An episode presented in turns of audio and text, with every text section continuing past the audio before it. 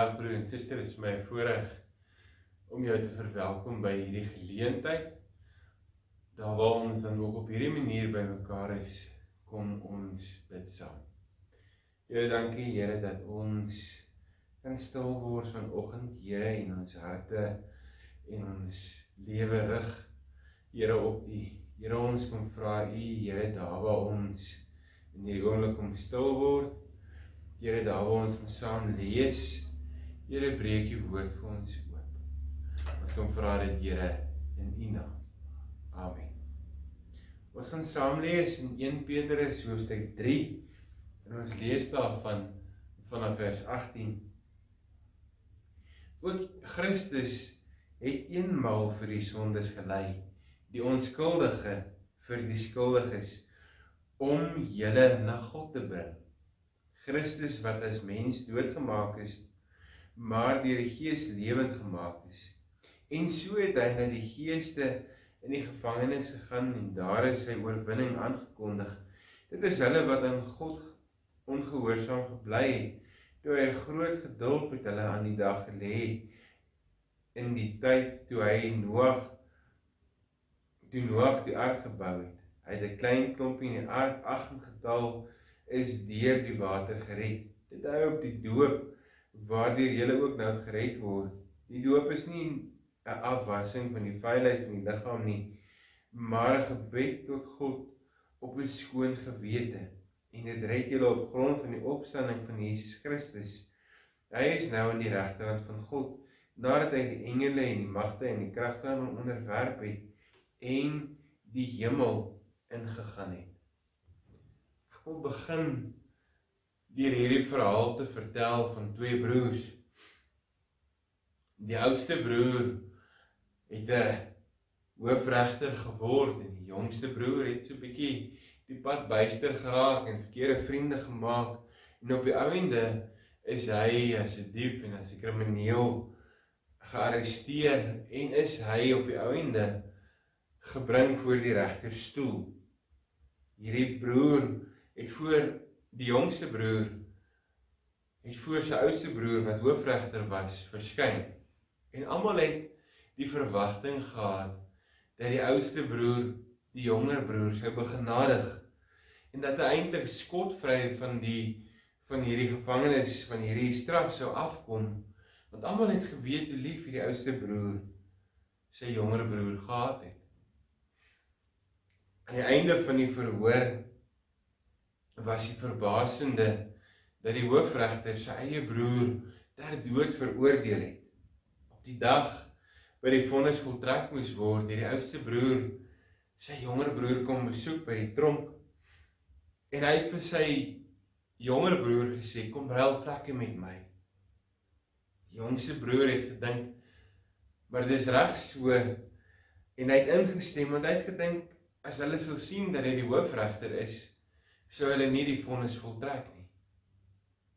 So is hy toe op pad en van 'n koppie in die omgewing draai hy terug en hy sien hoe sy broer uitgebring word en op pad is om tereggestel te word.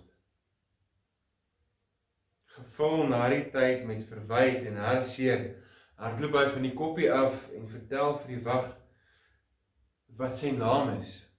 Hy vertel eintlik dat die verkeerde ou die die die die die straf voltrek is op 'n verkeerde ou. En die wag antwoord hierdie jongste broer toe: Daar is geen vonnis teen 'n persoon met die naam nie. En as ons dink oor hierdie verhaal, sien ons ook op dieselfde manier sterf Christus vir ons. Hy sterf vir ons sondes En is daar geen vonnis uitstaande teen ons naam nie. Wat beteken dit dat Christus vir my en in ons plek gesterf het?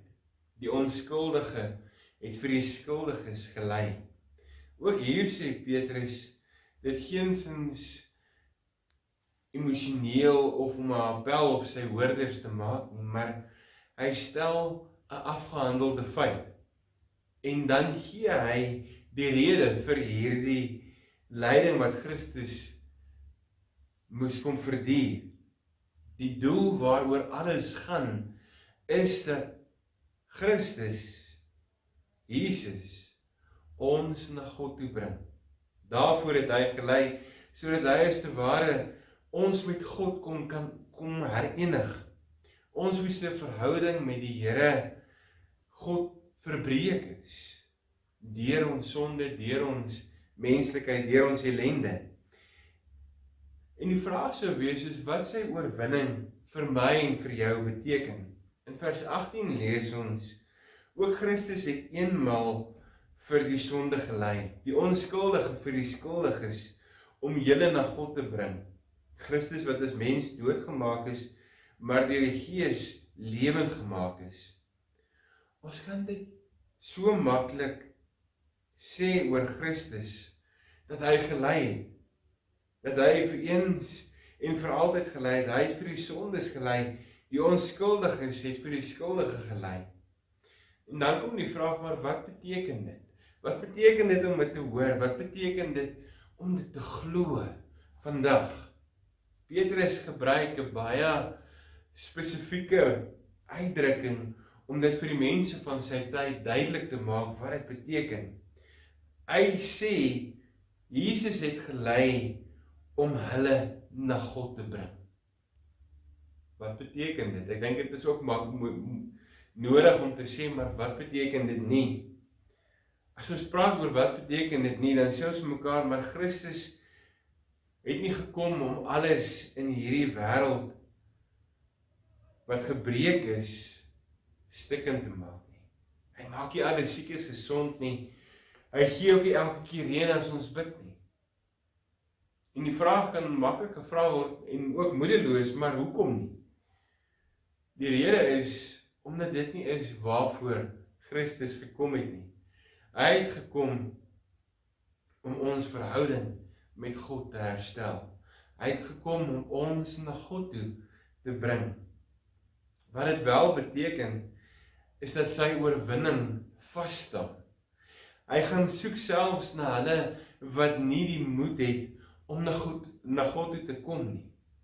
Daar gaan stel hy ons aan God voor en stel ook sommer ons saak aan hom en maak vrede tussen ons en God. Dit is wat sy lyding vir my en vir jou beteken. Maar dit is ook nog nie al nie want na sy lyding is ook sy oorwinning. Is die feit dat Jesus alhoewel hy gelei het, hy ook die oorwinnaar is, want hy het werklik opgestaan. Hy het regtig oorwin. Deur sy genade hou hy ons steeds vas. Deur sy genade sien ons soms juis ook sy grootheid. sien ons juis ook God wat hom aan ons kom openbaar. Sien ons hom as oorwinnaar en dat sy oorwinning seker is. Hy het sy oorwinning aan die wêreld kom verkondig aan die engele, so wat hierdie gedeelte sê aan die magte, het hy sy oorwinning kom openbaar. Ons moet mekaar aanmoedig en opbeer. Oproep want Jesus het oorwin. Dit is en bly die moeite werd om aan hom te bly glo. Om nie te twyfel nie, om ten spyte van so wat ons hierdie hele week gepraat het oor storms, hoe Jesus homself kom openbaar as die persoon wat sy liefde kom gee as die gees wat ons lei wat hy vir ons stuur as waarheid om vir ons sy vrede te gee in elke oomblik. So kom openbaar God Jesus Christus aan ons om ons te bekragtig en vir ons te sê maar beleef God se goedheid. Moenie afdwaal nie. Hou vas, byt vas glo. Dis die wonder van die gedeelte lê juis in vers 12, vers 21 wat so volg lees. Dit hou op die doop waardeur jy ook nou gered word. Die doop is nie net nie 'n afwassing van die vuilheid van die liggaam nie, maar 'n bede tot God om 'n skoon gewete en dit red julle op grond van die opstanding van Jesus Christus. Wat hier gesê word is eintlik ongelooflik. En dit is juis die betrokkenheid van God by ons as mens. Wanneer ons die oormag van hierdie wêreld, die ongeloof en die vervolging ons beetpak, juis dan sien ons God se betrokkenheid. Juis dan sien ons deur ons vertroue te stel in God dat God nie beskaam nie, dat God nie terugstaan nie, dat God juis die oorwinnaar is, dat God juis uit hierdie stryd saam met ons as oorwinning as oorwinnaars tree. Dat God ons staande hou ten spyte van dit wat ons beleef. So sien ons dat ons opgeroep word tot 'n lewe van gebed, tot 'n lewe van oorgawe, van vertroue in God wat ons nie alleen los nie. Die God wat alles oorwin het, die God wat as oorwinnaar uit die stryd tree en wat homself na ons toe rig, wat homself neerbuig na ons toe. Homself kom verneder om ons te red. Broer en suster, dit bied die vaste basis, die laaste vertroue waarin ek en jy kan vasklou, kan vashou as alles wankel en pad gee. Dit gee vir ons ons troos en ons ganse bede dat ek en jy in ons lewe op God kan vertrou. Want hy het as oorwinnaar uit die stryd getree. Hy het werklik opgestaan en hy kom bevestig dit deur die doop. Hy kom bevestig dit deur die manier hoe hy ons vashou, deur die manier hoe hy ons juis na ons toe draai. Dat hy die een is wat my en jou na God toe bring. Dat hy die een is wat ons kom nuut maak. Ons kan so baie keer en so maklik moedeloos raak. Ons kan so baie keer hopeloos raak. Ons kan so baie keer vasgevang raak in ons probleme dat ons die oorwinning wat Christus behaal het misloop, dat ons dit mispraat, dat ons dit selfs eintlik misglo.